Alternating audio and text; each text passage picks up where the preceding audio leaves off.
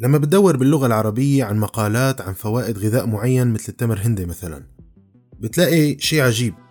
يعني في صفات خارقة. فمثلا بتلاقي إنه التمر هندي مفيد للسرطان والكبد والكوليسترول والقلب وبيفيد بكل شيء تقريبا. ولكن نحن بزمن بات من الواجب على كل واحد فينا إنه يتأكد من المعلومة اللي عم يسمعها. مهما كان اللي عم يحكيها مشهور وعنده followers وحتى لو كان دكتور بالجامعة حتى أنا لو اعتبرنا إنه ممكن حدا عم يسمعني. لازم تتأكدوا من كلامي وتشوفوا المراجع اللي بحطها بوصف كل حلقة. أهلا وسهلا بكم في حلقة جديدة من بودكاست تغذية بالعربي. معي أنا دكتور عبد المنان فاضل دكتوراه بالتغذية العلاجية والالتهاب وأستاذ محاضر في جامعه ليفربول جون مورس في بريطانيا. فيا أهلا. التمر هندي أو التمرند هي فاكهة غنية بالمغذيات. وبتستخدم تقريبا كل أجزائها بالطبخ مثل الثمرة نفسها والأوراق والبذور. وهي غنية بال bioactive compounds ومضادات الأكسدة لب التمر هندي مثلا فقير بالدهون والبروتينات. ومع ذلك فهو بيحتوي على حموض أمينية بتكون موجودة بشكل حر. كمان التمر هندي بشكل عام غني بالمعادن والفيتامينات وخصوصا الفيتامين C والبيتا كاروتين. هلأ كثيرين بيعرفوا الفيتامين C فما راح أحكي عنه. وراح أحكي شوي هيك عن البيتا كاروتين. البيتا كاروتين هو مركب كيميائي بينحل بالدهون وهو بيتحول لريتينول أو ما يعرف بالفيتامين A. حلقتنا القادمة إن شاء الله راح تكون عن البيتا كاروتين. لذلك يعني لحتى توصلكم الحلقة أعمل subscribe للقناة لحتى يوصلك إشعار لما بتنزل الحلقة. وين كنا؟ إيه كنا عم نحكي عن التمر هندي مثل ما قلت كل أجزاء التمر هندي تقريبا بيتم استخدامها إما بالطبخ أو كمواد فعالة بالطب الشعبي وبيتم استخدامها للمشاكل الهضمية ومضره للبطن وحتى ممكن تعمل إسهال خفيف جيدة يعني. كمان التمر هندي غني بمضادات الأكسدة بسبب وجود مركبات فينولية. وهالمركبات الفينولية عندها قدرة على تعديل الالتهاب بالجسم وكمان بتخفض ما يعرف بالكوليسترول السيء ال LDL Low Density Lipoprotein.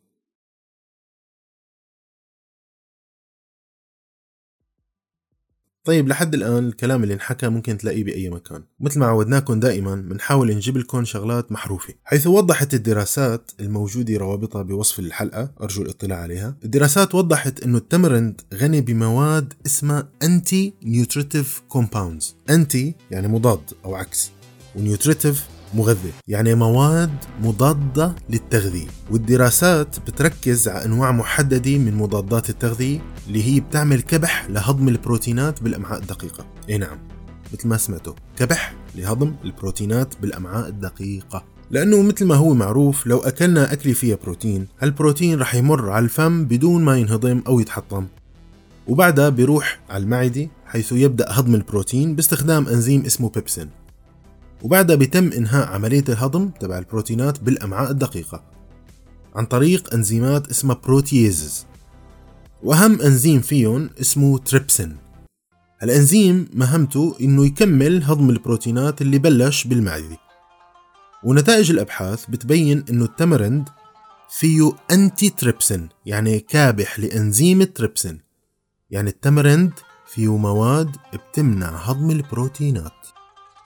هلا نتائج الأبحاث مثيرة من ناحية إنه هالميزة تبعت كبح الأنزيم اللي بيهضم البروتينات اللي سميناه anti-trypsin بتأدي بنفس الوقت للشعور بالشبع والدراسات بتوضح إنه نتيجة كبح هضم البروتينات سيؤدي ذلك لرفع إنتاج هرمون ال CCK ال cholecystokinin يلي هو هرمون الشبع بيطلع بالأمعاء الدقيقة عنا وهالشيء لعمري ممتاز. ليش؟ لأنه بيكبح الجوع.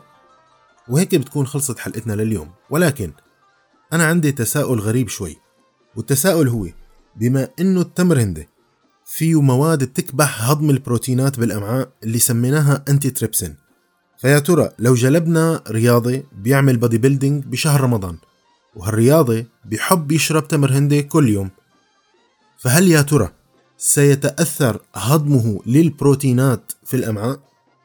لدرجة إنه تقل كتلته العضلية خلال شهر رمضان بس بسبب تناوله للتمر هندي فقط؟ بصراحة ما عندي جواب لهالسؤال. ولكن حابب أعرف رأيكم. شكرا لاستماعكم. نلقاكم في حلقتنا القادمة إن شاء الله. السلام عليكم ورحمة الله وبركاته. يا سمرة يا أطيب مشروب عندي. كلمة بتقل سنيني شوي بتقلي ما عندي مي كلمة بتقل سنيني شوي بتقلي ما عندي مي المي مقطوعة يا أبلي.